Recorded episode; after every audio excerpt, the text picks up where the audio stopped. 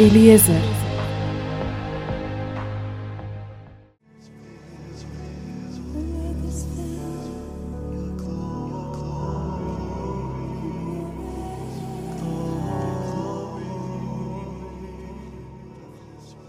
Да се живее во светлина.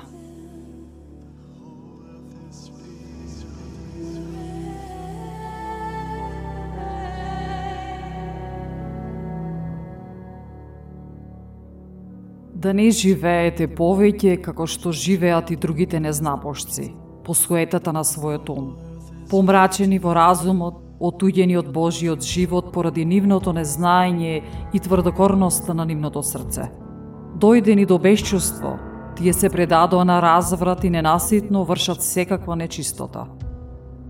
Но вие не го познавате така и Христос. Ако на вистина сте чуле за Него и во Него сте биле поучувани – дека вистината е во Исус. Тогаш, отфрлете го од себе стариот човек, според вашето поранешно живење, кој се распаѓа во измамливите желби, за да се обновите со духот на својот ум и да се облечете во новиот човек, создаден според Бога во вистинска праведност и светост. Поради тоа, откако ја отфрливте лагата, Кажувајте си ја вистината секој на својот ближен, бидејќи сме делови еден на друг. Гневете се, но не грешете. Сонцето да не зајде зад гневот ваш. И не давајте му место на ѓаволот. Крадецот да не краде веќе, туку нека се труди и подобро е да се труди со своите собствени раце да го прави она што е добро, за да има што да му даде на оној што има потреба.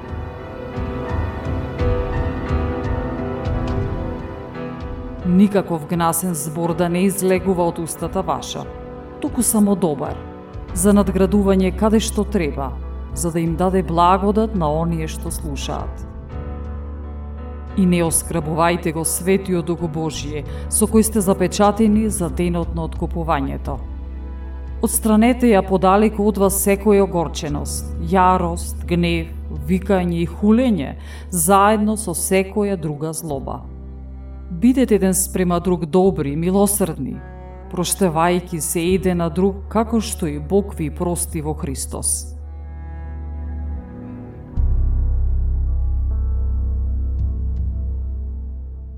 И така, угледајте се на Бога, како чида возлюбени.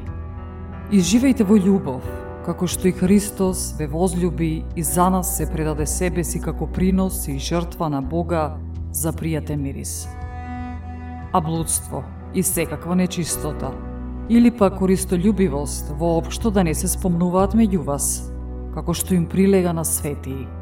Ниту пак срамни и будалести зборови или двосмислени приказни, што се неприлични, туку само благодарност.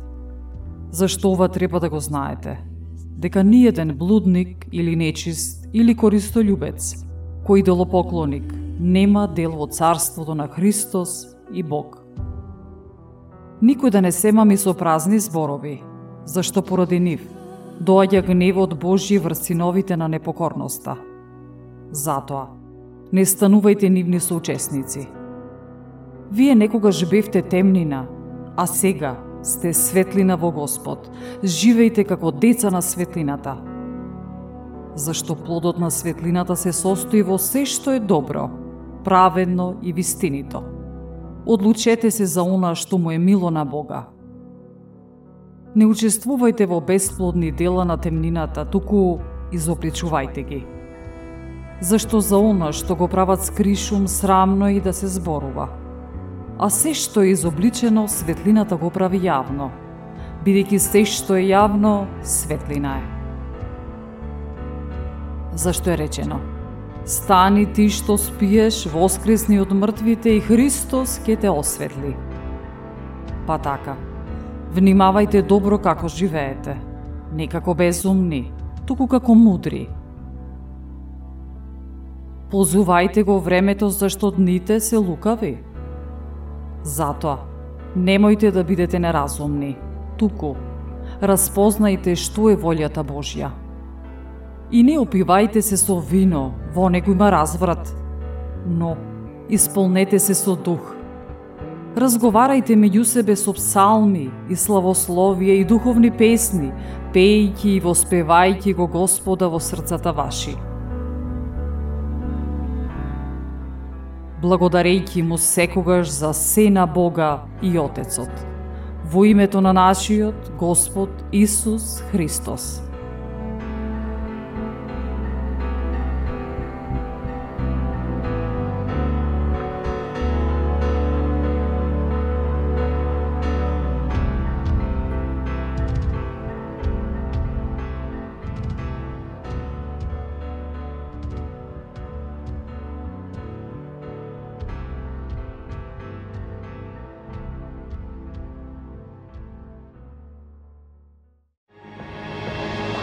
Eliezer